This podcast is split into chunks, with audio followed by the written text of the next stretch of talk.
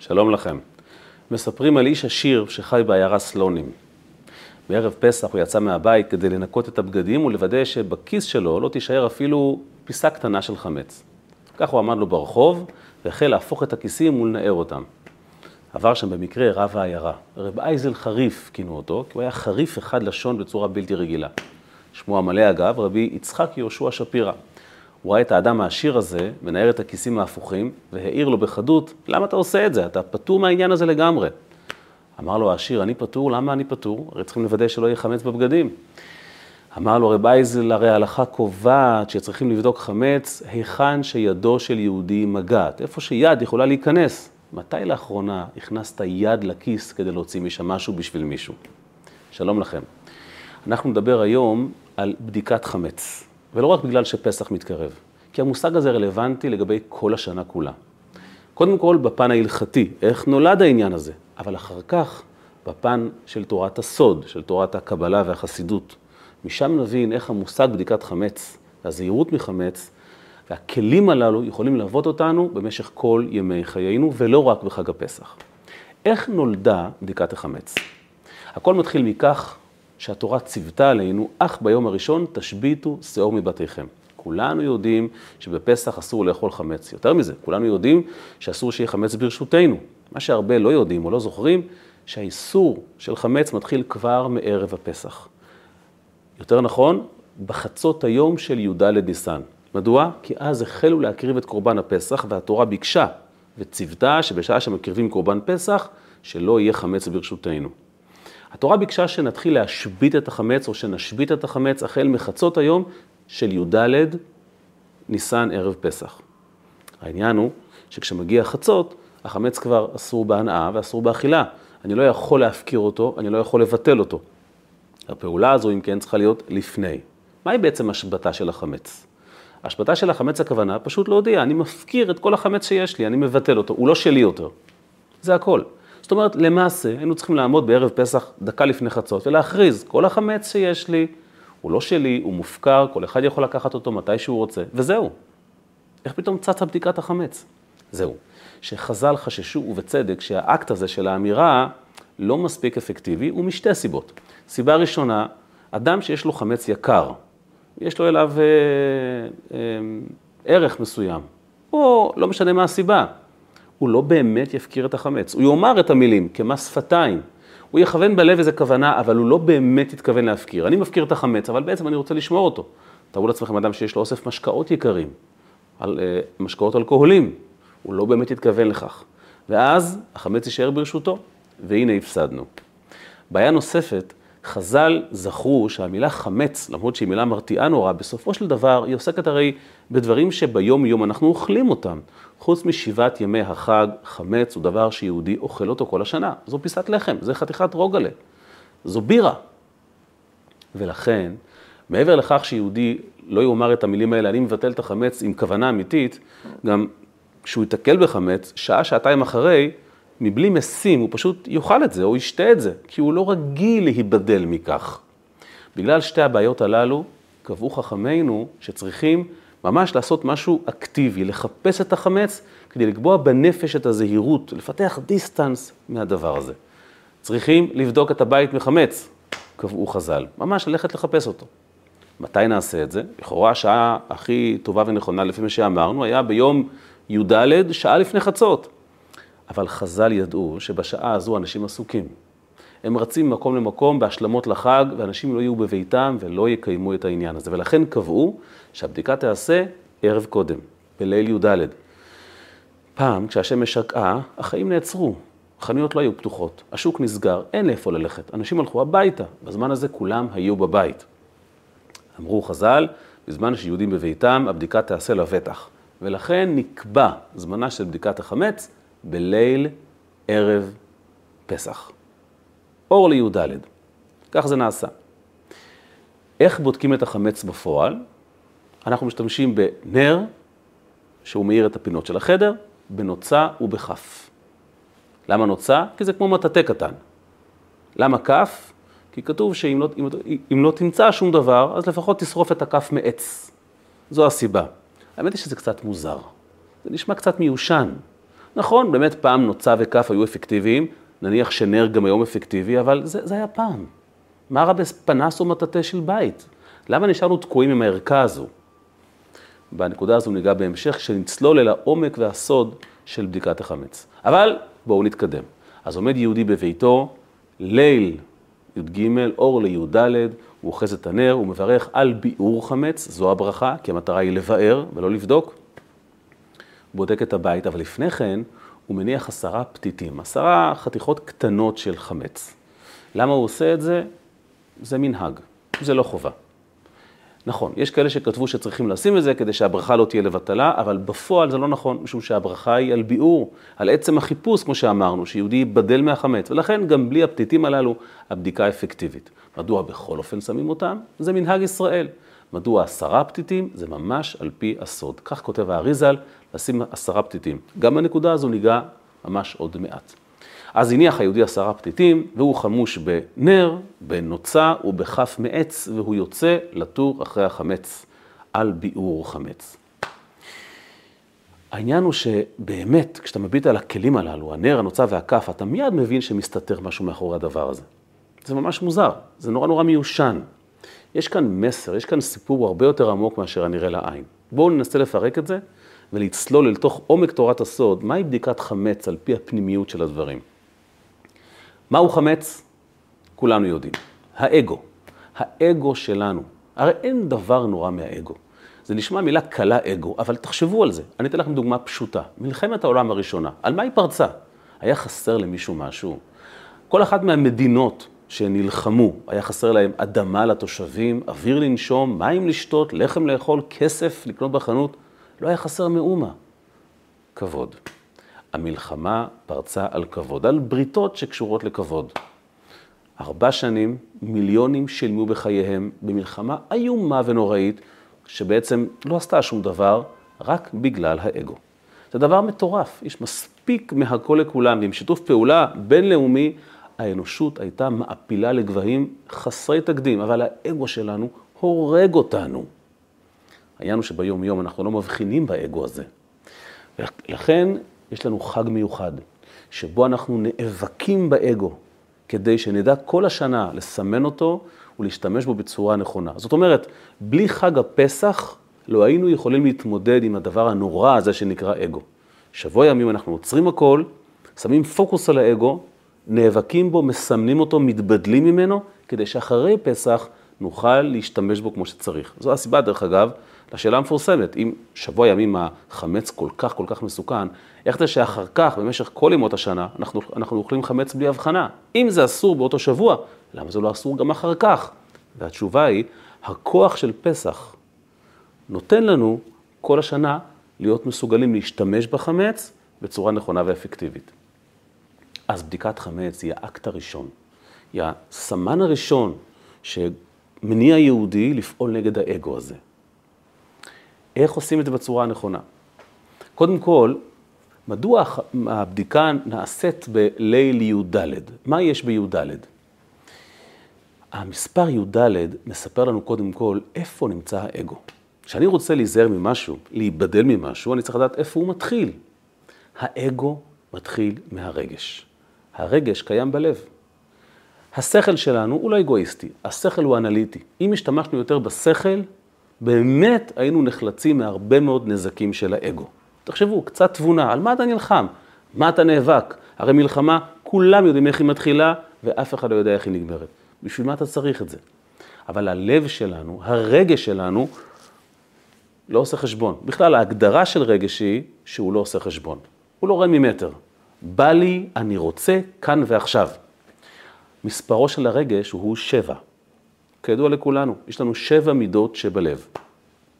אהבה, דחייה, חמלה, אמביציה, כניעה, חיבור, וגם בסוף יש לנו את הקליטה. זאת אומרת, כל התחושות האלה, כל הרגשות האלה צריכים שמישהו יקלוט אותם, וכך אלו שבע הרגשות. יש לנו שבע רגשות חיוביים ושבע רגשות שליליים, ומספרם ביחד הוא י"ד. הסיבה שערב פסח צריכים להשבית את החמץ, אז מתחיל האיסור, ולא בט"ו, כי החמץ יושב בתוך הי"ד, בין שבע המידות הטובות לשבע המידות הרעות, וביחד זה 14, ושם נעשית הבדיקה. אבל שימו לב, הבדיקה לא נעשית בי"ד, אלא בי"ג בלילה. דווקא בי"ג בלילה, אור לי"ד, כי י"ג בגימטריה אחד. כשאנחנו בודקים את החמץ ורוצים לוודא, אתה רואה בליל של רגשות, אני נתון בסערת רגשות. איך אני אדע איזה רגש הוא חיובי ואיזה רגש הוא שלילי? אני תמיד צריך לחשוב על האחד. מה האחד היה אומר על זה? האחד כמובן זה הקדוש ברוך הוא. זה השאלה שכל יהודי צריך לשאול את עצמו כל הזמן. נכון שבא לי, נכון שאני רוצה. מה הקדוש ברוך הוא היה אומר על זה? יהודי חוזר הביתה ויש לו דילמה, לעזור לאשתו לשטוף כלים או לרוץ לשיעור תורה. שתי רגשות שנראים חיוביים מאוד, שניהם טובים מאוד, אבל יש את מה שבא לך לעשות ויש את מה שאתה צריך לעשות. וכאן עולה השאלה, מה בא לך לעשות ומה הקדוש ברוך הוא רוצה שתעשה. לעתים התשובה תהיה לרוץ לשיעור תורה ולעתים לשטוף כלים. אז מה שבא לך, תעשה הפוך. תמיד זה יעבוד לך. האחד תמיד ייתן לך תשובה. הי"ג בגימטריה אחד תמיד ייתן לך תשובה לשאלה מבין הי"ד רגשות, מבין ה-14 רגשות, איזה רגש שייך לקדושה ואיזה רגש שייך לקליפה, וככה אתה מבדיל ביניהם. ולכן את הבדיקה הזו אנחנו עושים עם נר. אנחנו יודעים שנר מייצג את הנשמה שלנו. נר השם, נשמת אדם. לכל יהודי יש נשמה קדושה, ובמקביל יש לו גם נפש בהמית. אלו שני מערכות שמייצגות מצד אחד את החיבור לקדוש ברוך הוא, ומצד שני את החיבור לעולם הזה. וכל החיפוש של החמץ ושל האגו נעשה בתווך בין שתי הנפשות האלה. ולכן יהודי צריך לדעת שבתוך כל הבלגן והבלבול מהחמץ, יש לו נשמה אלוקית, הוא מחובר לקדוש ברוך הוא. ונכון שהוא ירד למקום של חושך, למקום של לילה, ליל י"ג, יש האפלה, לא רואים את האחד הזה, אבל אתה מצויד בנשמה, הנשמה. הנשמה שלך היא מאירה, היא תמיד תוכל לקפוץ ולומר לך מה דעתו של הקדוש ברוך הוא. כשאתה עומד מול הכיור המלא בכלים, ואז השאלה עולה לשטוף כלים ולרוץ לשיעור תורה, ואתה בעצם שואל את עצמך, מה הנשמה רוצה ומה הנפש הבהמית רוצה? ולמה אני כזו, למה אני בדילמה כל כך מבלבלת? אתה חייב לזכור, הנשמה שלך ירדה לעולם האפל הזה, כי יש בכוחה להאיר את הלילה ולהביא את הרצון של הקדוש ברוך הוא לידי פועל. רק תתפעל את זה נכון, תחפש אחר החמץ. תשאל את עצמך, מה בא לי ומה אני צריך לעשות. כשתעבוד בצורה הזו, אתה אף פעם לא תיפול. ולכן זה נעשה בליל י"ג, אור לי"ד באמצעות הנר. אבל כאן לא סיימנו. יהודי צריך להניח עשרה פתיתים של חמץ בעת הבדיקה. מדוע עשרה? אנחנו יודעים שהקדוש ברוך הוא ברא את העולם בעשרה מאמרות. כך, כך הקדוש ברוך הוא עשה. מה המטרה של בריאת העולם? עשרת הדיברות. המטרה של יהודי היא לחבר בין העולם לבין הקדוש ברוך הוא. בין ההיעלם וההסתר והחושך לבין הרצון של הבורא. או במילים אחרות, בין עשרת המאמרות לעשרת הדיברות. אלוקים ברא אור, אלוקים ברא חושך, אלוקים ברא דשא, ואתה מגיע עם הדיברות ויודע לנצל כל בריאה לפי הרצון של הקדוש ברוך הוא. אז למה זה כל כך קשה? זה קשה משום שבין עשרת המאמרות לבין עשרת הדיברות יש לנו את עשר המכות, שזה מצרים. זאת אומרת, יש איזה מישהו שמפריע לנו, שמבלבל אותנו, שמשעבד אותנו, שמטעה אותנו, שלוקח את הדברים שברא הקדוש ברוך הוא ומנצל אותם לרעה. וזה נראה אפילו נחמד וטוב, כי תראה, תראה מי יוצא לי מזה. כמו שאמרנו קודם, אלוקים נתן כוחות למלכים, לשרים, למדינות, ובמקום להשתמש בזה לטובת האזרחים שלהם, מנצלים את זה למלחמות, לשפיכות דם ולשטויות. יהודי יוצא למשימה להסיר, להוציא את עשרת המכות. הדברים האלה שלרגע נראים טוב, אבל בסופו של דבר הם מכים בך. הנה, יצאת למלחמה. קראתי פעם תיאור שכשהחלה, שהחלה מלחמת העולם הראשונה, אחד הלוחמים הטריים והצעירים שם היה, יימח שמו וזכרו, אדולף היטלר. כשהכריזו על, על המלחמה, פתאום עלתה בו הגאווה הפרוסית שלו, הוא נפל על ברכיו, כך הוא כותב, ו- ו- ו- והיה מאושר על חלקו לצאת להילחם למען גרמניה. זה הרי דבר נורא, זה הרי שטניות לשמה, על מה ולמה. יצר הרס נוראי, שאחרי זה בא לידי ביטוי בצורה עוד מזוויעה יותר. זה מכות מצרים. התפקיד של יהודי, כשהוא חמוש בנר השם נשמת אדם, בנשמתו, כשהוא יודע מה המטרה שלו, היא להסיר, היא להוריד את עשר המכות, כדי שעשרת המאמרות ועשרת הדיברות יתחברו להם זה בזה. זו הסיבה שאנחנו אה, מטמינים עשרה פתיתים בבית, מחפשים אותם, לצוד אותם, להסיר אותם. וזו גם הסיבה שאנחנו משתמשים בכף. כף בגימטריה זה עשרים. עשרת המאמרות ועשרת הדיברות, שאותם אנחנו רוצים לחבר יחד. הכף מהעץ, שאותה אנחנו מחזיקים, מסמלת לנו את המשימה שלנו, את החיבור של העשר ועוד עשר. על ידי הוצאת עשרת הפתיתים, עשר המכות מחיינו. וזו גם הסיבה שאנחנו שורפים את הכף הזו יחד עם החמץ, היא חלק מהבדיקה, היא חלק מהחיפוש והסימון של החמץ וההשמדה שלו, כדי לחבר אותם יחד. דרך אגב, יש פסוק בפרשת נשוא שאומר, אה, עשרה, עשרה הכף. אנחנו יודעים שהנשיאים הביאו הרי מתנות למשכן כשבנו אותו, וכל כף הביא, כף אחת עשרה זהב, מלאה קטורת. כף אה, במשקל עשרה מזהב. בסיכום כל, ה... בסיכום כל המתנות שהביאו הנשיאים כתוב, עשרה עשרה הכף. אומר על זה הזוהר, מה זה עשרה עשרה הכף? עשרת המאמרות שצריכים להתחבר לעשרת הדיברות. לכן זה כף, עשרים יחד.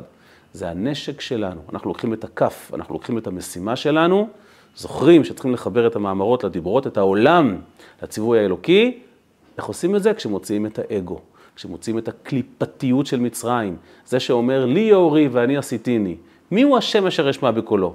הקליפה הרעה הזו. וככה נוצר חיבור. לכן כשבני ישראל יצאו ממצרים, בעצם איפה הם יצאו? לקבל את עשרת הדיברות, כי הם ביערו וביטלו את עשרת הפתיתים של החמץ הרעים. אז הבנו מדוע הבדיקה נעשית בליל י"ד, שזה בעצם י"ג בלילה, באמצעות נר, שהיא נשמה, על ידי כף, שזה עשרים. מה לגבי הנוצה? הרבה חיפשתי הסבר לנוצה. זה באמת דבר שהטמיע אותי מאוד. הרי פסח נועד להטמיע התינוקות, נכון? זה דבר שהטמיע אותי תמיד. אי אפשר להיפטר מהנוצה הזו. מה צריכים נוצה? מה נותנת לנו הנוצה? חיפשתי וחיפשתי, ופעם אחת, ממש באקראי, תוך כדי לימוד, קראתי משהו שענה לי על השאלה הזו ומילא אותי באושר גדול. אומר הרב מלובביץ' דבר מאוד מעניין.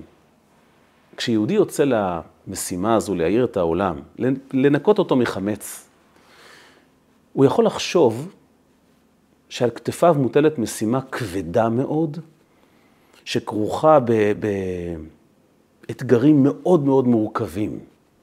להחזיר את כל עם ישראל בתשובה, להציל יהודים מעבירות של גילוי עריות ושפיכות דמים, להציל נפשות, להילחם עד טיפת הדם האחרונה, למות על קידוש השם. אלו דברים שנעשו בעבר והרבה מאוד. ויש את החיים השגרתיים שלנו. אתה קם בבוקר, פשוט חי את חייך.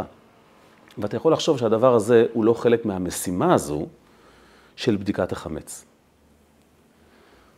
אומר הרבי, צריכים לדעת שלפעמים מצווה קלה, דבר קטן שעושה יהודי, מחזק התניית אמן יש מרבה, קורא עם ילד קטן, א', ב', אומר מודה אני, דברים קלים, דברים קטנים, הם הסיפור האמיתי. מדוע? אומר הרבי כי ישנה הלכה ברמב"ם, שכל יהודי צריך לראות את כל העולם כאילו הוא מונח על כף מאזניים. זוכרים את הכף שלנו? מה זה כף? עשרת המאמרות ועשרת הדיברות. עשר מול עשר, צריכים לחבר אותם. כל העולם כולו מונח על כף מאזניים, איזון מאוד עדין. כשיש כף מאזניים, באיזון כל כך עדין, כל דבר יכול להכריע. פוסק הרמב"ם, אדם צריך לדעת שכל מעשה קטן שלו יכול להכריע את העולם לכף זכות. אם אתה עושה מעשה קטן, אתה מכריע את הכף. אז אומר הרבי את המילים הבאות. יהודי צריך לדעת שגם ש... גם מעשה קטן וקל כמו נוצה, יכול להכריע את כף המאזניים. כשיש איזון כל כך עדין, גם דבר עם משקל נוצה, קל כל כך, יכול להכריע את כל העולם לכף זכות. אז הבנתי, נוצה משמעותה דבר קל מאוד, שנראה חסר ערך, משקל זעיר. אתה חייב לדעת, העולם כולו מונח על כף מאזניים. הנשמה שלך ירדה לעולם הזה, והעולם הזה מונח על כף בין עשרת המאמרות לעשרת הדיברות, כשאתה מחפש את עשרת הפתיתים של החמץ, את האגו.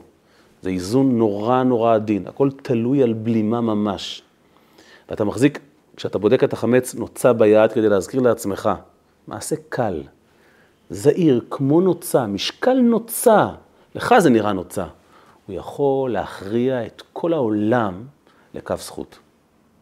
שמעתי פעם מידיד שמשמש כמנהל בית חב"ד, החלטנו ככה, הוא סיפר לי, לפתוח מניין למנחה.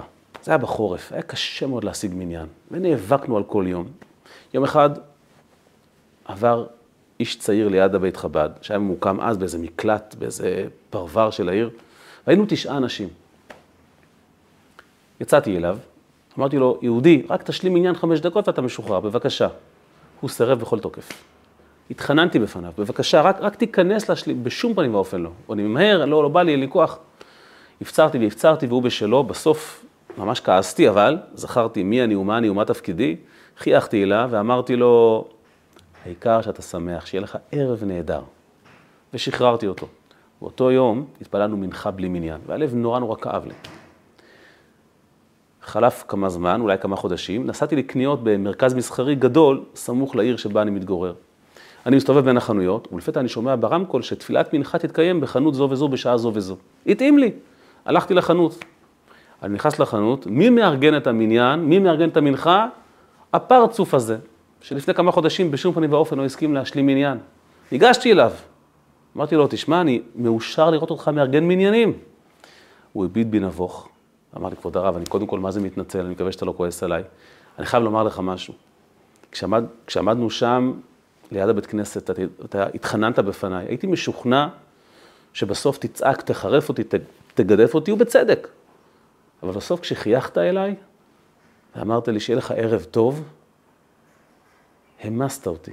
הלכתי משם עם כאלה תחושות, לא יכולתי להיפטר מהאשמה הזו של למה עשיתי לך את זה ואיך אני מכפר על כך. החלטתי שבתמורה למניין שלא השלמתי לכם, אני אפתח מניין בחנות שבה אני עובד. ומאז, מדי יום, בחנות הזו יש מניין למנחה. לפעמים היהודי העשירי הזה, עשרה עשרה, הכף, אולי לא השלים לך מניין, אבל עשרות מניינים צצו אחר כך. מעשה קטן, כמו נוצה. הרי בסוף הם, הם עשו מנחה בלי מניין. חיוך קל, רק ערב טוב אמרת לו. לך זה נראה דבר שולי כל כך, ומשני כל כך, אבל הכריע את כף המאזניים, והנה, כמה יהודים אחרים זיכית במנחה. עכשיו תחשבו על זה רגע. על כף המאזניים הזו יכל לשבת האגו החמץ, הכעס על יהודי שלא מוכן להשלים מנחה, ולומר לו, אבל, אבל תתבייש לך, מה ביקשנו, חמש דקות? ואז הכף מוטה לרעה, זה בדיוק החמץ, הוא גם קל מאוד יכול להיות.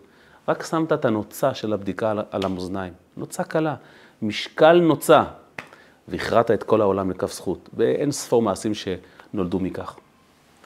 נסכם. אנחנו בודקים את החמץ, אנחנו צריכים להיזהר מאוד מהאגו שלנו. אגו הוא לא דבר רע. אם יודעים להשתמש בו נכון, הוא גם יכול מאוד להועיל. הוא דוחף אותך לצמיחה, להצלחה, לאמביציה, אבל רק אם יודעים להבחין האם הוא מניע אותי למקום טוב, האם אני שולט בו או שהוא שולט בי. האם הרגש הזה הוא באמת הרסני, הוא כבר השתלט עליי, או שאני שולט עליו. האם הנשמה שלי מוליכה אותי, או הצד השני מוליך אותי. וכדי להצליח במשימה הזו, אנחנו צריכים שלושה מרכיבים. נשמה קדושה, שיש לכל אחד מאיתנו, אין יהודי שאין לו, זה הנר, נר השם נשמת אדם. כף, שזה הגדרת המשימה, בסוף לחבר בין עשרת המאמרות לבין עשרת הדיברות, ונוצה. תתחמש בכל המעשים שאתה יכול לעשות, גם הקלים ביותר, הם יכולים להכריע את כל העולם ברגע אחד לכף זכות, במילה אחת, בפעולה קטנה. ומה המטרה? להסיר את עשרת הפתיתים, את עשר המכות שחוצצים בין עשרת המאמרות לעשרת הדיברות, וכך אנחנו נפטרים מהחמץ. וגם כשפסח נגמר, אנחנו לא נופלים בבור הזה. אנחנו מוגנים מפניו. אנחנו לא נותנים לאגו להוביל אותנו או לפגוע בנו. אנחנו מנצחים אותו. שיהיה לכולנו חג פסח כשר וגם שמח, אבל לא רק פסח כשר ושמח, שכל השנה תהיה כשרה ושמחה בזכות המאמץ שלנו להיפטר מהחמץ השלילי ולנווט ולגייס את כל הכוחות שקיבלנו רק לטוב במשך כל השנה כולה.